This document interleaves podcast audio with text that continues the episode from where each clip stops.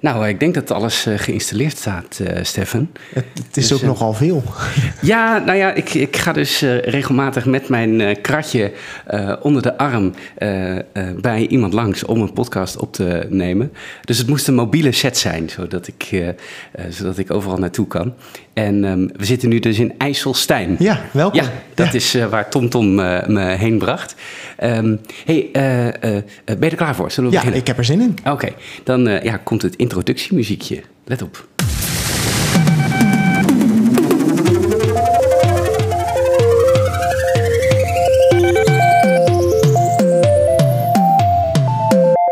Goeiedag, lieve podcastluisteraars. Hartelijk welkom bij een, nieuw seizoen van DocTalk. DocTalk is de podcastserie die gemaakt wordt door Havask.nl.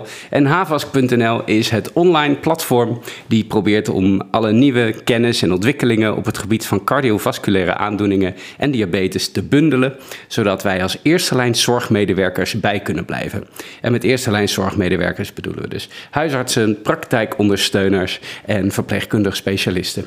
Um, ik ga het hele arsenaal langs aan uh, zorgverleners die iets doen met betrekking tot cardiovasculaire zorg. En uh, uh, vandaag hebben we een bijzondere aflevering, want voor het eerst hebben we een apotheker in de uitzending. En dat is Stefan Joosten. Stefan, dankjewel dat ik hier mag zijn. Ja, heel graag. Ja. Um, hey, je bent dus apotheker. Ja. hoe is dat zo gekomen ja, eigenlijk? Goh, geen idee. Nou, dat weet ik wel een beetje. Ik was gewoon ontzettend geïnteresseerd in gezondheid. En als kleinkind kwam ik in de dorpsapotheek. Daar uh, was de moeder van een goede vriendin van mij de apotheker. Dus uh, op die manier toch een beetje meegekregen. Kijk, dus, dus je wilde altijd al apotheker worden? Nou, dat kwam wel al redelijk snel, ja. ja, Hmm. ja. Hmm. ja en nu gelukt. Ja. Kijk, heel goed. Hey, je werkt hier in, in IJsselstein als openbaar apotheker. Ja, klopt. Was dat ook wat je altijd wilde? Uh, wel snel tijdens de opleiding werd al wel duidelijk dat ik ook echt de openbare apotheek in wil. Hè? Dus ja, noem het de stadsapotheek. Uh, omdat het mooie van dat vak vind ik echt dat je veel met patiënten praat. En uh, dat vind ik een belangrijk onderdeel van mijn vak. Dus echt met de Kijk. personen praten. En niet alleen van achter een bureau, achter een computer Ja. dingen doen. Kijk, hey, en uh, met patiënten praten. Ja, misschien moeten we daar uh, zo meteen wat uitgebreider op ingaan. Want um, uh, het onderwerp waar we het vandaag over gaan hebben is samenwerken rondom de behandeling van patiënten die antistolling gebruiken. Precies. Um, Uh, en dan is altijd een beetje de vraag, want ja, we zijn toch van nature geneigd om een beetje op eilandjes te werken. Dus uh, uh, de indicatie voor antistolling wordt soms gesteld in samenwerking met de praktijkondersteuner of door de verpleegkundige specialist. er wordt een recept gemaakt, dat recept komt bij jou terecht. En wij denken dan, ja, ik heb het voorgeschreven, geef het gewoon. Dus, um, dus we gaan op zoek vandaag naar wat kunnen we aan elkaar hebben in het leveren van veilige antistolling voor onze, onze patiënten. Hey, um, het eerste waar ik het over zou willen hebben is, uh, want de, de belangrijkste indicatie voor antistolling, de meest voorkomende indicatie, is volgens mij atriumfibrilleren. Klopt dat? Nou ja, het hangt er vanaf over welke antistolling je het hebt. Hè. Maar heb je het echt over de orale anticoagulantia, dan is atriumfibrilleren wel echt een heel groot indicatiegebied, inderdaad. Ja. En uh, uh, er wordt meer en meer gesproken over het screenen op atriumfibrilleren. Volgens mij is de laatste NAG-richtlijn, hebben ze het nog meer over case finding dan, dan echt over algeheel screenen. ik sprak laatst een cardioloog en die had het met name over het screenen van patiënten met een hoog risico die weinig bij de huisarts komen. Dus iemand met diabetes, die, daar, daar meten we al de bloeddruk van en daar kijken we al naar wat voor, wat voor hartritme daar is. Heeft, heeft de apotheek nog een, nog een plek in screening, denk je? Ja, ik denk dat, je zegt het eigenlijk al, hè, een aantal mensen dat atriumfibrilleren heeft, maar nog helemaal niet zodanig bekend is bij de zorgverleners, komt niet bij de huisarts of bij de praktijkondersteuner voor die controles die je net noemde. Mm -hmm. Dus ik denk dat we echt in de eerste lijn heel breed moeten gaan kijken, of misschien zelfs ook de nulde lijn, hè, van hoe kunnen we dan toch die mensen vinden. En wat mij betreft moeten we daar breed op inzetten. Dus de apotheek is wat mij betreft dan ook een plek waar je terecht zou kunnen. Ja. Dus screenen bij de, bij de apotheek. Ja, Met een My Diagnostic. Of Bijvoorbeeld, ja, dat is een van de Ja. vele toepassingen die je kunt gebruiken. Ja. En eh, ja, want het probleem is natuurlijk dat er best veel mensen rondlopen die gewoon atriumfibrilleren hebben. Hè? Mhm. En op basis daarvan dat, dat risico op een beroerte hebben. Nou, ik hoef jou als huisarts niet uit te leggen wat, wat voor impact het hebben van een beroerte kan hebben op de omgeving en de persoon zelf. Eh, dus ja, volgens mij is daar echt, eh, is daar echt eh, werk in de winkel. Ja, a will to win. Ja. Zeker, Ja, zeker. Ja, ja. Hey, en ehm, eh, eh, nou, stel we hebben die diagnose atriumfibrilleren gesteld. Ehm, dan eh, voorheen werden de, de VKA's en de DOAC's als gelijkwaardig gezien. Volgens mij is er nu inmiddels een, een voorkeur voor de, voor de DOAC. Ehm, eh, dus bij het starten van, een, van anticoagulantia bij een patiënt met atriumfibrilleren heeft dat over het algemeen de, de eerste voorkeur. Ja, Ehm, in de richtlijn zie je dat inderdaad dat, eh, dat er nog wel wordt gezegd van ze zijn gelijkwaardig aan elkaar. Maar in de praktijk zie ik eigenlijk dat iedere atriumfibrillant gestart, eh, of ja, zal starten met een DOAC, tenzij er natuurlijk contra-indicaties zijn. ja, ja, en met name of het eh, valvulair of non-valvulair atriumfibrilleren betreft. Precies. Ehm, maar in de dagelijkse praktijk zullen wij voornamelijk non-valvulair atriumfibrilleren tegenkomen. Ja, ja. En ehm, na het stellen van de diagnose wordt eigenlijk ook standaard een echo gemaakt. En eh, eh, eh, kun je dat nog gebruiken om eventueel het beleid bij te, bij te sturen. Hey, ehm, wat zijn nou belangrijke dingen om mee, rekening mee te houden bij het kiezen van antistolling?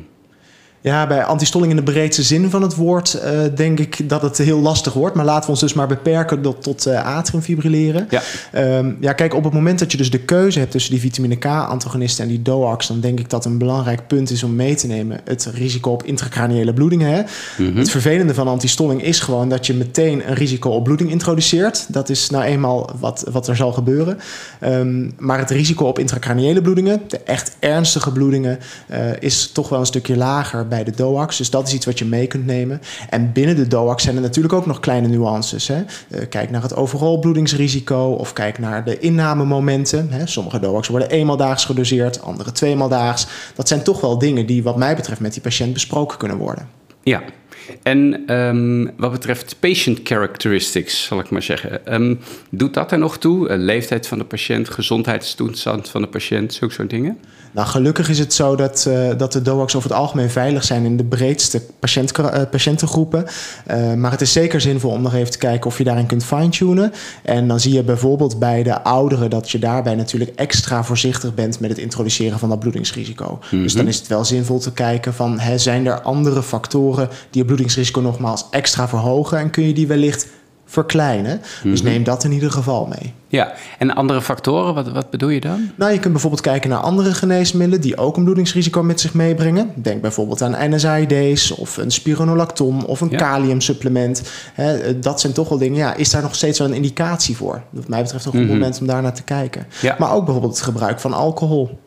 Kijk, ja, nou, dat, daar vraag ik niet dagelijks naar bij patiënten Kan ik me voorstellen. eh, eh, met DOAC-gebruik. Ja, hey, en ehm, eh, dus bij het, bij het kiezen van een DOAC zeg je speelt mee één of twee keer daags innemen. En dat heeft natuurlijk ook veel effect eventueel op de therapietrouw. Ja, zeker. Ja. Eh, kun je daar, want ik heb jou daar eerder iets over horen vertellen, eh, over hoe dat zit met, met therapietrouw eh, en hoe we die zouden kunnen verbeteren. Kan je, kan je daar ons iets over, over uitleggen? Ja, daar wordt gelukkig heel veel onderzoek naar gedaan. Hè? En ik vind het altijd belangrijk dat als we het hebben over therapietrouw, dat we ook even zeker weten dat we het over hetzelfde hebben. Je hebt het in eerste instantie over persistentie. En dat wil echt zeggen van hè, start iemand überhaupt met de therapie en gaat hij er vervolgens ook mee door. Dus is hij ook van plan om te blijven slikken. Dat is echt de persistentie. Als we het hebben over therapietrouw, dan gaat het om: lukt het eigenlijk die patiënt wel om het geneesmiddel te gebruiken volgens het voorschrift zoals het bedoeld is? Dus als het Ja. gebruik tweemaal daags is, dat het dan ook lukt om het tweemaal daags in te nemen. Ja. Ehm, en het is niet gezegd dat een tweemaal daags doseerregime voor iedereen moeilijker is dan een eenmaal daags doseerregime. Eh, er is wel wat onderzoek gedaan, eh, ook op basis van CBS-data, van kunnen we nou voorspellen wie er dan therapietrouw is of niet. Dat is toch nog behoorlijk lastig. En ook het onderzoek, als je dat leest, dat is behoorlijk lastig te interpreteren. Eh, daar komt veel uit naar voren. Zo zou in de ene, het ene onderzoekssetting zou het vrouwelijk geslacht een, een, een risico zijn op therapie ontrouw. En bij de andere is dat weer het mannelijk geslacht. Ja, dat is dan toch het moeilijke van dit soort onderzoek. Mhm, mhm. ja. ja, en als je dan non-binair bent, dan wordt het helemaal ingewikkeld. Natuurlijk. Wellicht. Nou, dat, dat terzijde. Nee, hey, ehm, dus inschatten van therapietrouw, want wat heeft dat voor consequenties op controlemomenten? Want het, het lastige natuurlijk bij de DOAX is dat ik anders dan bij de VKA's niet de INR kan, kan controleren. Althans, dat het niks zegt over of de patiënt zijn medicatie gebruikt. Ja, precies. wat voor tools kunnen we gebruiken om er toch achter te komen hoe het gaat met de therapietrouw? Ja, volgens mij moeten we daarbij echt gebruik maken van de gesprekstechnieken van al onze personeelsleden. Dus bij mij de Mhm. apothekersassistenten of farmaceutische consulenten. Bij jou in de praktijk, hè, de als huisarts, de POH, de doktersassistenten. Want ja, de patiënt is eigenlijk zijn eigen controle geworden. Mhm. En zo probeer ik dat richting mijn patiënt ook altijd uit te leggen. En vooral degene die gewend waren om geprikt te worden eh, toen Ja. ze nog bijvoorbeeld een VKA gebruikten. Bij de trombosedienst Ja, bedoel je? ja. En nu zit het dus echt, ja, ik denk dat we goede gesprekstechnieken moeten gebruiken. En ook het open bespreken. Zo van, het is heel logisch dat het wel eens voorkomt dat je je medicatie vergeet. Mhm. Eh, hoe kun je ervoor zorgen om die kans zo klein mogelijk te maken? En wat Ja. doe je als het toch gebeurt?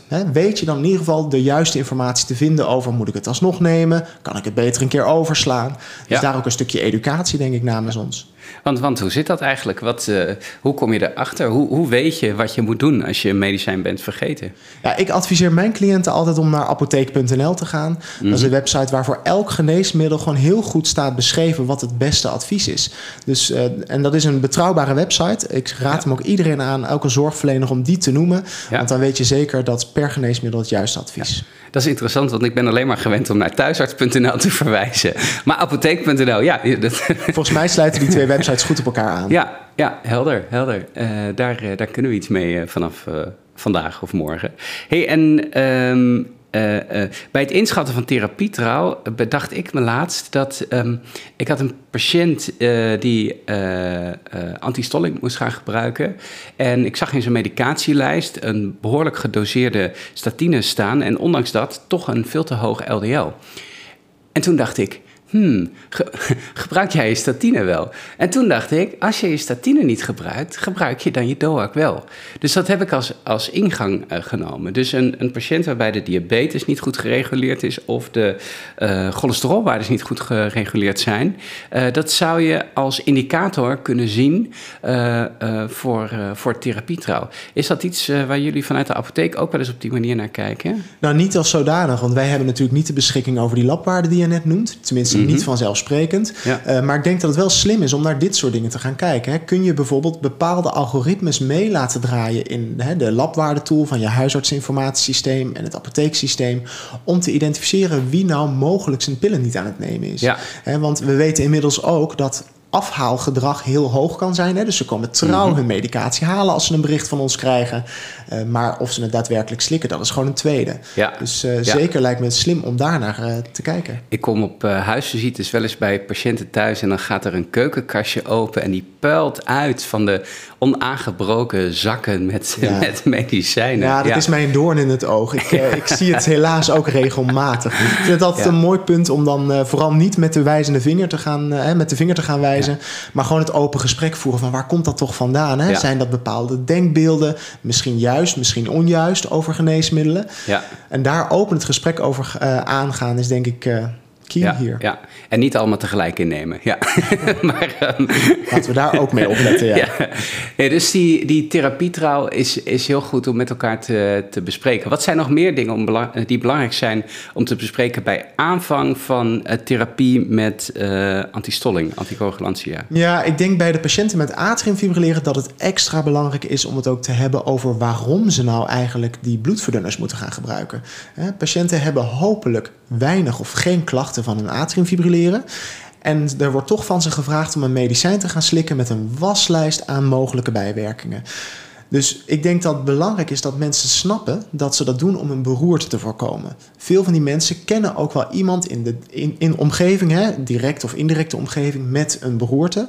En dan weten ze ook wat voor impact dat kan hebben. Heel veel mensen die ik spreek hebben, zijn zich van geen kwaad bewust. Ze weten wel, oh, ik heb iets aan het hart. Soms weten ze ook wel te zeggen van er is iets met mijn hartritme of een ritmestoornis. Ja. Degene die echt heeft opgelet, die weet zelfs te noemen dat hij boezemfibrilleren heeft. Ja. Maar de link leggen naar van dat het, het grootste risico die beroerte is, dat is voor veel mensen toch nog best lastig. Dus Ja. dat vind ik echt een belangrijke in het startgesprek. Ja, ja dus, dus bij die patiënt met atriumfibrilleren moet het gesprek gaan over het voorkomen van een beroerte. Precies. Maar dat is dus iets heel anders dan waar ze last van hebben. Precies, ja. ja, ja. En vooral die mensen inderdaad die bij toeval gevangen worden. Hè? Van, oh, verrek, er is hier sprake van atriumfibrilleren. Dan is het heel verleidelijk om te zeggen... nou, dan moeten we even check, check, hè, chats vastscoren... moet er Ja. antistolling gestart worden. En ja, dan komen ze bij mij en dan hebben ze soms geen idee waar dat dan voor is. Ja. Dus die link leggen naar die beroertes, die is essentieel. Ja, ja. Hey, en ehm, eh, ja, dus, dus, dus dat eh, is belangrijk om te bespreken voor aanvang van de, van de behandeling. Ja. Hoe zit het daarna met, eh, met controlemomenten? Ja, bij die controlemomenten gaat het dus veel meer over de ervaringen die de, eh, de patiënt inmiddels heeft opgedaan met het gebruiken. Eh, soms zeg ik ook wel eens: het, eh, het tweede gesprek is misschien nog wel belangrijker dan het startgesprek bij een medicijn. Want dan heeft de patiënt gewoon ervaringen opgedaan. Aan de ene kant natuurlijk, hè, merk ik effect. Nou, bij antistolling, bij boezemfibrilleren weten we dat effect Ja. merken ze hopelijk niet. Ja, Hebben ze bijwerkingen gehad? Ehm, maar ook is het gelukt om het voorschrift te volgen, zoals de therapietrouw die we net hebben genoemd. Hè? Ja. Lukt dat ook? Eh, en ik moet zeggen, als we het dan hebben met die cliënten over die bijwerkingen, vraag dan ook naar specifieke bijwerkingen. Ik merk dat wij soms als zorgverleners best wel gefocust zijn op die hevige bloedingen, hè? dus echt een maag-darmbloeding of zelfs die intracraniële bloeding. Maar er zijn natuurlijk ook heel veel andere kleine bloedingen die we misschien wel vergeten te noemen, zoals een neusbloeding die toch wat vaker optreedt. Ja. Of wellicht, en dat zal bij atriumfibrilleren wat minder vaak voorkomen, wat jongere vrouwen, hoe het zit met de menstruatie. Dat Ja. zijn toch dingen goed om na te vragen als ze eenmaal dat medicijn zijn gaan gebruiken. ja, ja. Hey, en eh, dan ook nog eh, volgens mij jaarlijks een controle om te zien hoe het zit met eh, bijvoorbeeld de nierfunctie. Ja, ja. Even, kun je daar iets over, over vertellen? ja, ik denk dat de meeste luisteraars inmiddels wel weten dat deze geneesmiddelen via de nieren geklaard worden uit het lichaam. Hè? Dus de dosering moet afgestemd worden op die nierfunctie. Maar eigenlijk is dat nog breder dan dat, want de DOACs die worden voor veel meer indicaties gebruikt. Dus niet alleen voor atriumfibrilleren. En als je een tabel zou maken van alle mogelijke doseringen met alle patiëntkarakteristieken die invloed hebben op die dosering, dan wordt het best een complexe tabel. En dan is het ook veel meer dan alleen maar het afvinken van ja, gedaan. De nierfunctie is weer gecontroleerd, volgend jaar weer. Dus, en ik denk dat daar echt de kracht van de samenwerking in de eerste lijn en misschien ook wel transmuraal met die tweede lijn zit, dat we gezamenlijk afspraken erover maken. Wie doet nou wat? Ja. En zorgt ervoor dat niet alleen dat vinkje is van de nierfunctie is gecontroleerd, maar ook, Ja. oké, we weten die nierfunctie, we weten bijvoorbeeld nog het lichaamsgewicht, de leeftijd, andere medicijnen. Ja. En dan uiteindelijk het vinkje, de dosering past nog. Want dat is denk ik het belangrijkste. Ja, ja, helder, helder. Hey, en ehm, eh, eh, nou, van oudsher werden mensen natuurlijk op eh, VKA's ingesteld. Ehm, want ja, we, we hadden niet, niet anders. Ehm, nu zijn er wel eens patiënten die we willen switchen naar, naar een DOAC. Wat zouden daar, wat jou betreft, goede redenen voor zijn? Dat kunnen verschillende redenen zijn. Hè. Het kan zijn dat iemand problemen heeft bij het gebruik van de VKA's. Dat kan zijn in de termen van bijwerkingen. Dat kan zijn in termen van het in complexe innameschema. Eh, dus dat de patiënt daadwerkelijk zelf problemen heeft. Eh, het kan natuurlijk ook zijn dat de patiënt de bezoeken aan of van de trombosedienst als belastend ervaren heeft. Eh, eh, het, het hangt natuurlijk behoorlijk van de instelling af of iemand vaak of minder vaak geprikt moet worden. Ja, Ik spreek overigens beide categorieën mensen hoor. Mensen die dat juist ontzettend fijn vinden. Er komt toch even iemand langs. Het sociale aspect van die controle. Maar ook mensen die zeggen: ja, vervelend, ik moet er, moet er speciaal heen. Ehm, dus er zijn verschillende dingen die, eh, die een rol kunnen spelen. ja, En eh, ik denk dat één hele belangrijke gaat over de ordening van de medicatie. Hè. We moeten natuurlijk wel inzien dat het nemen van die vitamine K-antagonisten, die doseringsschema's, kunnen complex zijn. En ik denk dat er een extra risico bij komt op het moment dat de professioneel verzorgenden komen helpen om die medicatie toe te dienen. Dus de thuiszorg of in een verzorgingsinstelling. Het is ook vele malen veiliger als ze een eh, medicijn kunnen gebruiken, wat gewoon een vast doseerschema kent. ja, Want in de meeste gevallen waarbij thuiszorg eh, aanwezig is, zit de medicatie in de medicijnrol. Gewoon Ja. om het risico op medicatieincidenten zo klein mogelijk te maken. ja. Er zijn een paar apotheken die de VKA's verpakken in de medicijnrol, maar er zijn er maar weinig. Dus Ja. dan kan het helpen om in dat geval toch voor een DOAC te kiezen. Ja, en de DOACs kunnen dus wel in de Baxter. Of zoals een patiënt van mij laat zei, de Bagstar. Ja, ik heb eh, heel veel termen voorbij horen komen, Ja. maar die kunnen er allemaal in. Ja, Allemaal. allemaal. Ja, dat was Vroeger voorheen dat ook niet zo. Nee. Ja, ja, Nee. Klopt, maar inmiddels kunnen ze er allemaal in. Er is voldoende onderzoek gedaan naar de stabiliteit ervan, dus dat is geen enkel probleem. Ja, oké. Oké. Hey, en eh, hoe pakken we dat aan als we iemand willen, willen switchen? Ja, en wat mij betreft is dat echt een, eh, een, een multidisciplinaire aanpak. Ik denk dat niemand dat eh, in zijn eentje zou moeten kunnen doen. Eh, ik denk wel in de breedste zin kijken wie kan daar een rol in spelen. Dus dat kan de huisarts zijn, dat kan de praktijkondersteuner zijn, de apotheker, de doseerarts van de trombosedienst of de cardioloog zelf. En ik denk dat het goed is om het gewoon op elkaar af te stemmen. Dus op het moment dat één iemand het gesprek met die patiënt voert over de verschillende behandelopties die er zijn, Ja. en daar komt wellicht dan uit dat een DOAC een optie is.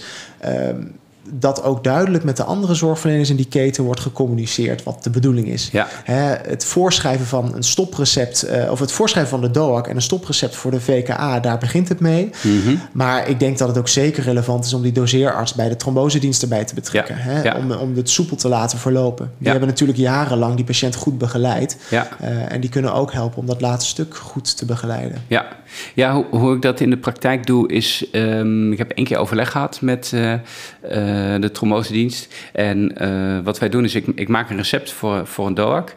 Eh, de patiënt haalt het op bij de eh, apotheek. En eh, de patiënt weet, ik mag het pas innemen als de trombosedienst zegt dat ik mag beginnen. Hè, want je, je stopt met je, met je VKA.